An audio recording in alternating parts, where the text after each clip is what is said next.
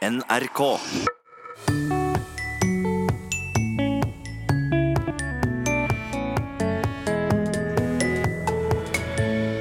Hun fant sin stil og stemme i det radikale bokmålet. Ja, rett og slett. Det blei lettere å, å, snakke, og radio er jo et muntlig eh, medium. Den skal jo fortelle. Og eh, når jeg slapp løs min indre eikværing, så bare kom det. Men som nyhetsoppleser i Dagsnytt fikk hun mye kritikk. Er det på tide med en opprydding i bokmålet fordi det er for mange tillatte former? Og Finland vil øke likestilling i verden ved hjelp av det lille ordet 'hen'. Vel møtt til Språkteigen. Blir brukere av radikalt bokmål undertrykt?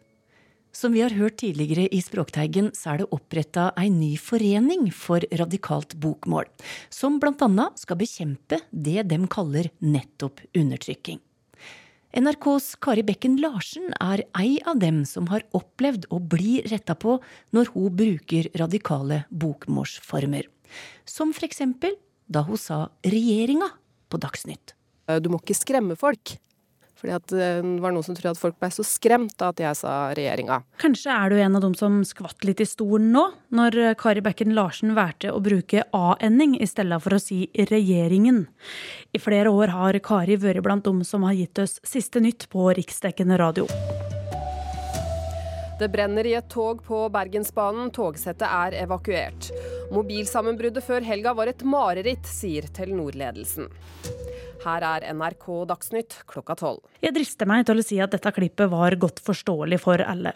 Men allikevel var det slike ord som helga som skapte mye hurlumhei. Jeg begynte i Dagsnytt i 2005. Kom jo hit og begynte å lese nyhetsbulletenger sånn som jeg hadde gjort det før. Og det vakte stor oppsikt. Og hva er det folk sa for noe? Det var jo det at det ikke gikk an å bruke sånne former, da. Mange trodde ikke det var lov. Og så var det noen som uh, mente at uh, hvis jeg brukte noen A-former, så måtte jeg bruke alle A-former. Altså jeg måtte si saka og sånne ting som ikke er naturlig for meg å si. Uh, og så var det jo det at det ikke hørtes pent ut, da. At det gikk virkelig ikke an å si sånn i Dagsnytt. Som vi hørte i Språkteigen tidligere i vår, så har det blitt stifta ei ny forening for radikalt bokmål.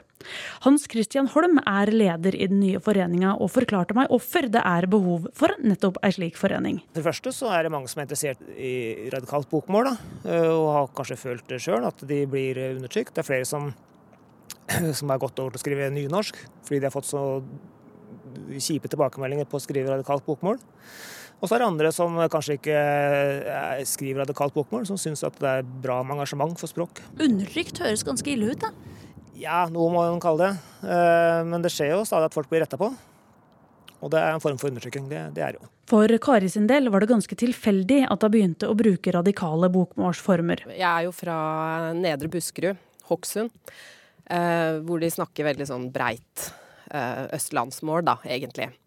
Så det er sånn jeg snakka da jeg var lita, og så etter hvert så begynte jeg å moderere meg mer og mer. Og skrev ikke radikalt bokmål, skrev et ganske moderat bokmål, men så begynte jeg å jobbe i radio, og så var det en gang jeg skulle lage et kåseri, og jeg fikk det ikke til. Det blei liksom ikke noe snakking, da skulle jeg jo være sånn muntlig og sånn i framføringa. Um, og så var det som et sånn trylleslag at jeg oppdaga at hvis jeg da begynte å bruke a-endinger og diftonger og former som lå nært mitt opprinnelige talemål, da, så greide jeg å snakke og ikke lese. Så det, det var egentlig bakgrunnen. Du slapp deg litt løs, rett og slett? Ja, rett og slett. Det blei lettere å, å snakke, og radio er jo et muntlig medium. Den skal jo fortelle og snakke, og, og, det greide jeg ikke med de moderate formene, da. Men når, når jeg slapp løs min indre eikværing, så bare kom det. Og dermed var det ingen vei tilbake. Kari jobba i NRK Trøndelag og fikk ingen reaksjoner på måten hun prata på. Hun jobba i P3 Nyheter, og der var det flere som prata med samme radikale normering, så hun fikk heller ikke der noen reaksjoner på måten hun prata på. Men så Jeg hadde en sommerjobb i eh, Adresseavisa, og der var vel den første gangen det blei sånn påpekt. Jeg hadde skrevet en tekst hvor jeg hadde sitert noen trøndere. Og skrevet eh, Jeg lurer på om de hadde grua seg til et eller annet, ja. Og da fikk jeg kommentar. Jeg kunne ikke skrive grua. Eh, og så sa jeg nei, hvis eh, Adresseavisas eh, språknorm sier det, så skal jeg jo rette på det selv. Nei, det er ikke noe språknorm. Det ser ikke pent ut. Når veien da tok av videre til Marienlyst og Dagsnytt, har vi allerede hørt noen av de reaksjonene jeg fikk. Altså, én ting er jo å bli retta på at ting er språklig feil, da. Men når folk begynner å, å gå løs på språket ditt fordi de syns det er stygt og det ikke passer seg, og dette er vel litt for muntlig, vel, når jeg sa utafor, for eksempel, og begynner å plukke på deg på sånne, sånne ting, det, det syns jeg jo ikke var noe ålreit. Det er veldig personlig, da. Ja, det er jo det, og de går jo løs på, på språket ditt, da. Og det er jo, ja, det er jo som du sier, det er jo veldig personlig. Men om det skulle være noen tvil, Kari Bekken Larsen er godt innafor tillatte normerte former i radikalt bokmål. Så godt innafor at kringkastingssjef Tor Gjermund Eriksen omtalte henne som en stilsikker språkbruker da han ga kringkastingssjefen språkpris i 2015. I NRK er jo reglene våre at i nyhetssendinger og programinformasjon så skal man bruke bokmål eller nynorsk. Og når, med bokmål eller nynorsk så mener vi bokmål og nynorsk som er innenfor rettskrivinga. Så når vi snakker et normert språk, så kan vi bruke rettskrivinga fullt ut. Og Det betyr at vi syns at eh, radikalt bokmål er helt greit. Det sier NRKs språksjef Ragnhild Bjørge. Hun har oversikt over det meste av det som sendes inn av språklige klager til NRK. Sjølsagt er det greit med ulike språklige preferanser, men hun understreker at NRK òg har et spesielt ansvar. Vi skal ta vare på hele bokmålet. Vi vil bruke spekter av bokmålet, vise variasjonene i det, eh, vise valgfridommen. Og bokmålet som Kari Bekken Larsen bruker, er jo et helt vanlig bokmål. Men så er det jo sånn at det folkelige eller radikale bokmålet har jo hatt lavere status i mange miljø over veldig, veldig mange år. Og det er klart at eh, det mer konservative bokmålet har jo hatt en mye større plass i NRK. Og folk reagerer jo ofte på det som de ikke er så veldig vant med, eller det som bryter med det de oppfatter som normalt. Så får du en noen A flere enn det du kanskje hadde forventa å høre i NRK, så vil det selvsagt være noe en del folk legger merke til. Mens andre vil ta det til hjertet sitt og si at å, endelig så hører jeg mitt bokmål også i nyhetene, og blir glad for det. Har du, har du noen mening om hvorfor det har vært slik at radikalt bokmål har hatt lavere status enn mer konservativt? Det konservative bokmålet har, har jo lagt veldig mye, eller ligger tettere opp til det som var språket til makteliten her i landet, og gjerne er det også. Eh, og vi må jo tilbake, sikkert tilbake til dansketida og si hva som, hva som på en måte var, gav status og var kulturelt og politisk akseptert. Eh, og det radikale bokmålet har kanskje levd litt mer på at det ligger nærmere nynorsken, nærmere dialektene, eh, legger trykket litt andre plasser, og, og det har kanskje ikke de som har sett med makta likt så veldig godt. Ragnhild Bjørge mener det kommer færre klager av denne typen nå enn det gjorde da hun begynte som språksjef for sju år siden. Og heldigvis. Det er ikke bare kringkastingssjefen som har vært begeistra for måten Kari Bekken Larsen leser nyheter på. Jeg husker jo at det var folk fra distriktskontor her på Østlandet som ringte, ringte til meg og sa at de var så glad for å høre meg. da. Endelig var liksom deres språk representert i Dagsnytt, og det syns de var veldig flott. da. Noen må jo ta støyten, da, så kanskje andre tør og, og, og, gjøre det samme. For det hørte jeg òg, at, at, det var folk som sa at ja, men sånn kunne jo jeg også snakka. Men eh, jeg turte jo ikke det.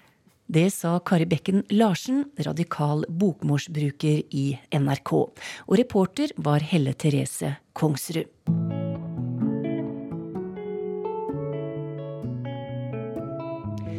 Helene Uri, språkviter og forfatter. Du er ikke så begeistra for valgfriheten i bokmålet, og mener det bør ryddes opp. Hvorfor det? ja, eh, jeg syns det er helt unødvendig å ha sant, mange og 30 valgfrie former for ett og samme ord. Jeg syns det, det, burde holde med et par, i hvert fall. Så jeg mener at eh, her går det an å, rydde opp litt. Hva syns du om radikalt bokmål, da? Det er uh, flott og fint, det. Det er ikke noe jeg bruker uh, lenger, men det er jo en språkform som jeg er uh, oppdratt i og vokst inn i som skoleelev på 70- og 80-tallet og som nordisk student senere på 80-tallet.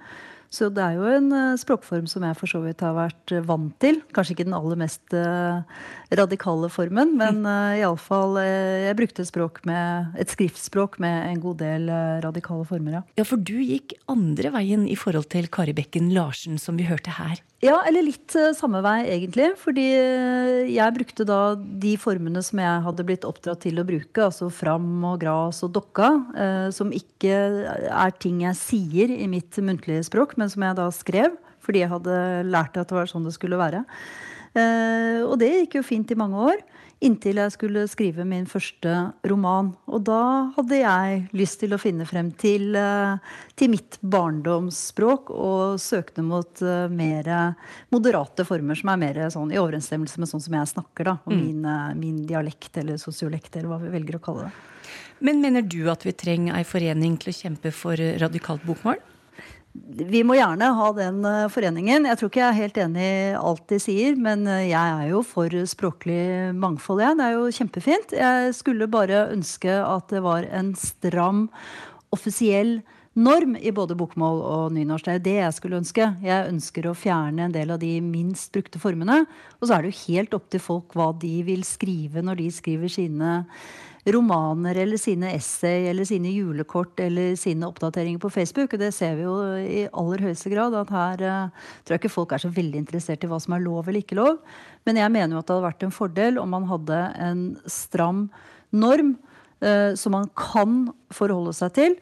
Uh, som ansatt i store firmaer, særlig stat og kommune selvfølgelig, som skoleelev, og særlig som innlærer av norsk. Mm. Ja, Hva legger du i innlærer? En innlærer er en som uh, lærer seg et nytt språk. Altså I dette tilfellet en som ikke har norsk som, uh, som morsmål, men som skal lære seg norsk. Mm. Men det er for mange tillatte former, sier du. Men kan du gi eksempel på det? Ja da, her er det massevis av uh, eksempler. Veldig enkelt. håndlaget, eller handmade, da, som det heter på engelsk. Der er det veldig enkelt og greit. I offisiell bokmålsrettskrivning så kan det hente Håndlaga, håndlagede, håndlagede, håndlagde, håndlaga, håndlagde, håndlagete eller håndlagede.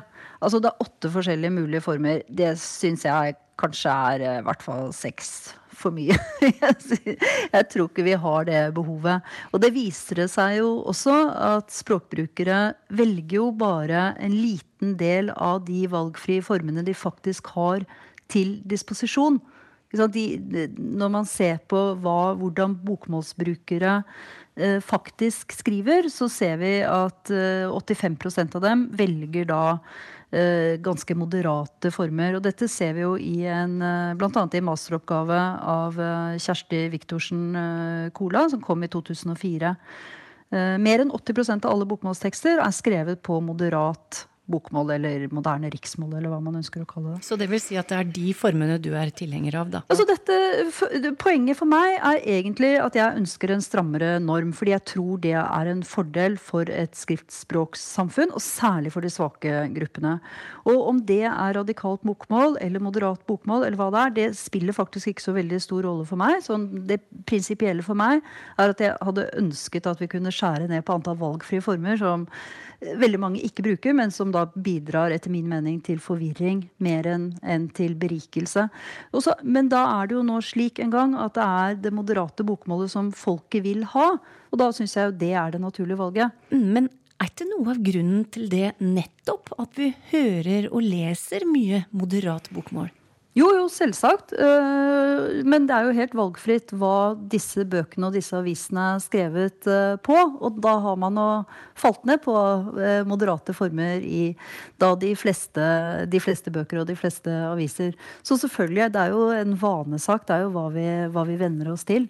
Men det er jo ingen som har pålagt folk å skrive på en spesiell måte. Dette har jo bare blitt sånn. Men mange journalister føler at de blir undertrykt som radikale bokmorsbrukere? Det kommer jo veldig, veldig, an på hvilken avis du arbeider i. Eh, Aftenposten har jo sin norm, som er moderat eh, bokmål. Dagbladet skriver jo veldig annerledes med en god del A-former. Så det kommer jo helt an på hvilken avis du jobber i. Mm, så har du Microsoft, da som eh, gir deg rød strek under mange radikale bokmålsvarianter? Det er jo en uh, sannhet med visse modifikasjoner, så vidt jeg kan skjønne. Uh, når jeg som en helt vanlig bruker går inn på min, mitt tekstbehandlingssystem, som ikke jeg har gjort noe som helst med, så får jeg jo inn alle de åtte former av håndlaget. Godkjenner jo min maskin. Den godkjenner også verbet mele, altså som i mele sin egen kake. Eh, i preteritum, så godkjenner min maskin mjøla, mjølte, mjølet, mela, melte eller melet. Så det er jo ganske mange Det er ganske mye valgfri former her. Jeg ser at den godkjenner også f.eks. høgvannsbuksa. Eh, men den tar ikke en form som høgvassbuksa. Så det er klart noen former eh, som er i offisiell rettskrivning, er ikke i Microsofts tekstbehandlingssystem. Men de ganske mange som er her, altså. Så det, det, er rikelig anledning til å boltre seg i radikale former, selv om det sikkert stemmer at noen ikke er her. Du har jo vært talskvinne for en strammere normering i flere år, men skjer det noe på feltet da? Man har jo hatt uh, noen tiltak for å rydde opp og hive ut uh, mindre frekvente former i, både bokmål og nynorsk, men uh, det er nok å ta av, så vi, vi har nok arbeid for noen år fremover, tror jeg. Det sa språkviter og forfatter Helene Uri. Som så mange andre språk har òg finsk importert en rekke ord fra andre språk. Nå vil finna eksportere et av sine mest særegne ord. Dem tilbyr sitt lille kjønnsnøytrale pronomen hen for å oppmuntre til likestilling i verden. Og det gjør dem i en kampanje som starta denne uka. Alltså vi har väl en väldigt realistisk tillgång till en, en, en sån här kampanj men alltså avsikten är helt enkelt att väcka medvetenhet och, och diskussion om både jämställdhet och, och, och jämlikhet överlag. Det sier Finlands ambassadør i Norge, Mikael Antell. Og kampanjen ble altså lansert denne uka på flere språk og i flere land. Kampanjen heter helt enkelt hen, det samme som dette særegne finske ordet som alltid har vært der. Altså, det går veldig, veldig langt tilbake i tiden. Det har faktisk sitt ursprung redan i den tiden innan finska språket var et egentlig skrivspråk. Altså det anvendes i, i talspråk og, og dialekter. Men for første gangen kom det inn i, i, i skriftspråket 1543, når Mikael Agricola publiserer sin ABC-bok. og Der er pronomenet 'hen' med, og da skreves det faktisk i formen 'hen'. Hvordan bruker dere dette ordet, da? Nå, I sin enkelhet så motsvarer det jo da norskans hun og han. Men at vi da spesifiserer ikke personer ut, utifrån kjønn. Så at det er ikke vanskeligere enn så. Han og hun finnes altså ikke på finsk? Nei, det finnes overhodet ikke. det, det er bare det her ordet, lilla ordet hen som används. Vi har överhuvudtaget ingen debatt av den typen som man då exempelvis har haft och fortfarande kanske har i Sverige gällande pronomenet hen eftersom det alltid har då funnits i, i finska språket som ett könsneutralt ord. Mm. Det har aldrig kommit upp, upp till diskussion. Ordet er fritt for kjønn, og sosial status, og symboliserer òg like muligheter, mener Finna. Og det er den tankegangen dem vil løfte fram. Ja, altså vi anvender det helt enkelt som et, et uh, instrument for å fremme diskusjon om, om, om jämställdhetsfrågor. Altså, det er et veldig mångfasettert område så, og veldig bredt og komplekst. Så at uh, det er bra å anvende det enkle ordet 'hen', men det er klart at omfattningen på, på kampanjen er, er, jo naturligvis mye større enn så. Men hvorfor har Finland inntatt en slik likestillingsrolle? Nei, det er klart at så, vi er jo et uh, nordisk land, presis som Norge. Og vi vet jo at de her spørsmålene er, aldeles centrala i våre velferdssamfunn når vi vil fortsette å, å utvikle dem. Og, og nå har vi jo faktisk sett på senere tid også, eftersom vi nå er i et språkprogram, Ja. at det har vekket en, en ganske interessant debatt om olika yrkesbenämningar Mhm. Som eh, traditionellt hänvisar till, till, till liksom någonting manligt. Exempelvis brandman eller man kan ju göra listan väldigt lång. Så att eh, det är liksom på, på tapeten det här ämnet, eh, vilket det ska vara och vilket är väldigt positivt. Och vem ska väl eh, ta och göra en sån här kampanj om inte ett nordiskt land som exempelvis Finland? Kampanjen foregår på mange måter og på mange arenaer. Fra reklameplakater på T-banen i London, utdeling av priser verden rundt til likestillingsfremmende prosjekter, og som dialog med organisasjoner og personer. Men har han tru på at hen blir en eksportsuksess? Ja, som jeg sa så det er vel ingenting som vi eksporterer i dette fallet men vi vil i alle fall och hoppas på att det kommer att väcka mycket uppmärksamhet och diskussion runt om i världen och det kan ju aldrig vara fel. Det sa Finlands ambassadør i Norge, Mikael Antell. Dagens lytterspørsmål går til Toril Oppsal, og det første kommer fra Ulf Nestvold. Han skriver i mitt eksemplar av Store norske leksikon står det at monarki betyr enevelde. I nyere ordbøker står det at det betyr konge- eller keiserdømme. Det er nok den moderne betydningen av ordet. Men hva betyr dømme i den sammenhengen? Har det noe med domene å gjøre? Ah, det er et spennende, spennende spørsmål. For her har, vi jo ord som, som ligner veldig på hverandre, både i form, dom, dømme, domene, og i innhold. Eh, De handler om mye av det samme, men, men de er nok ikke beslekta rent historisk. Altså Etymologisk så har ikke disse orda nødvendigvis noe med hverandre å gjøre. For domene, eh, det har vi fått via fransk, men det er opprinnelig latin. Her er det mm, dominum, eller dominus herre, som igjen er kobla til hus. Eh, og det, er noe litt annet, fordi dømme i kongedømme og keiserdømme og tsardømme, som vi også har sett eksempler på historisk, eh, det er et norrønt ord. Dømi. Og det har en opprinnelig betydning som er kobla nettopp til myndighetsområdet eller maktområdet. Og som igjen er knytta til ord som dom, som også handler litt om eh, ja, skjebne, eksempler, dømme altså, dette, dette er et stort kompleks av ord som både ligner og som hører sammen. Men akkurat denne domene, dømme, den er nok ikke De, de har nok ikke et felles opphav. Så, så dømme i kongedømme, det betyr kort sagt maktområde. Så det er den, det området der kongens makt strekker seg ut og gjelder. Ja, men hit, men ikke lenger. Hit, men ikke lenger. ja.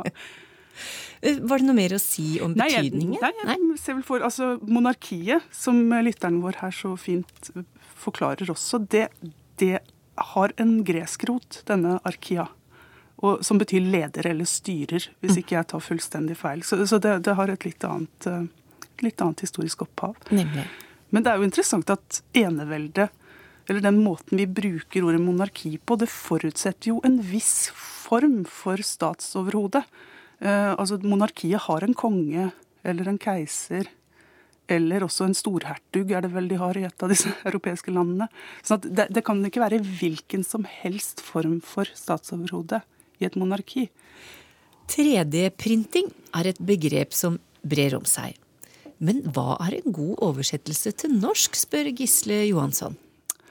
Ja, og Gisle Johansson gjør jo også et poeng ut av at dette handler jo ikke om skrift eller utskrift eller trykking av tekst. Dette handler jo om å skape og formgi elementer som nettopp har tre dimensjoner. Så jeg må innrømme at jeg, jeg så for meg en figur, og så tenkte jeg åh, kanskje vi kunne bruke ordet kroppsbygging.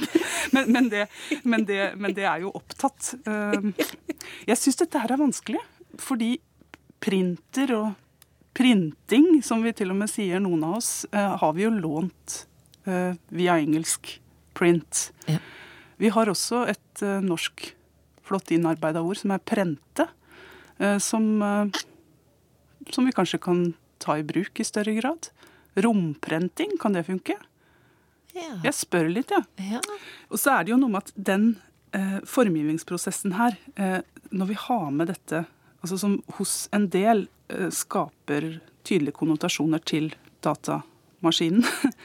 og, og, dette leddet mellom en datamaskin og en programmeringsinstans og verden utenfor, mm. det, det, det, å se for seg denne printer, skriverprosessen, det, det, er kanskje ikke så, så dumt. Men, men, jeg har ikke noe godt forslag, jeg, Torunn. Eh, jeg, jeg, er, jeg er litt Ja. Modellprenter? Ja, kanskje modellprenter. Her kan vi jo sette, sette lytterne i gang med å, med, å, med å, finne et godt forslag. Ja, vi sier det. Vær så god, du som har et godt forslag på en norsk variant av 3D-printing. Skriv til oss. Teigen, krøllalfa, nrk.no. Odd Arne Berntsen har noen spørsmål om ordet general. Hva betyr det? General, altså. Hvor kommer da generalforsamling fra, og når ble det tatt i bruk? Og det samme med ordet generaltabbe. Og så lurer han på er generell i slekt med general? Det ble mange spørsmål. Oi! Ja, det, det var mange ting på en gang. Det var uh, Og her, med en gang så må jeg innrømme at her skulle du hatt uh, her skulle du hatt en av franskfilologene. Uh, så både Kristine Salvesen eller Sylfest Lomheim kunne nok gitt et svar på det første. For general det kommer av fransk. Eh, egentlig eh, Nå må jeg konsentrere meg, så jeg uttaler dette noenlunde riktig. Capitaine general. Altså en kaptein med uinnskrenket myndighet. Mm. Så en general er en eh, form for kaptein. Eh, og da var vi ferdig med den delen av spørsmålet. Ja. Men general som et prefiks eh, som i generalforsamling. Ja. eh, den har vi fra latin. Og betydningen der er nettopp det allmenne på den ene siden, som i generalforsamling, som omfatter alle sammen, eller uavgrensa. Sånn at det kan bety både noe som er felles, og noe som er for det hele. En overordna kategori. Mm. Og der har du f.eks. en eh, ja, generaldirektør. Som ikke bare er direktør, men som er direktøren for det hele. Og overordna de andre direktørene.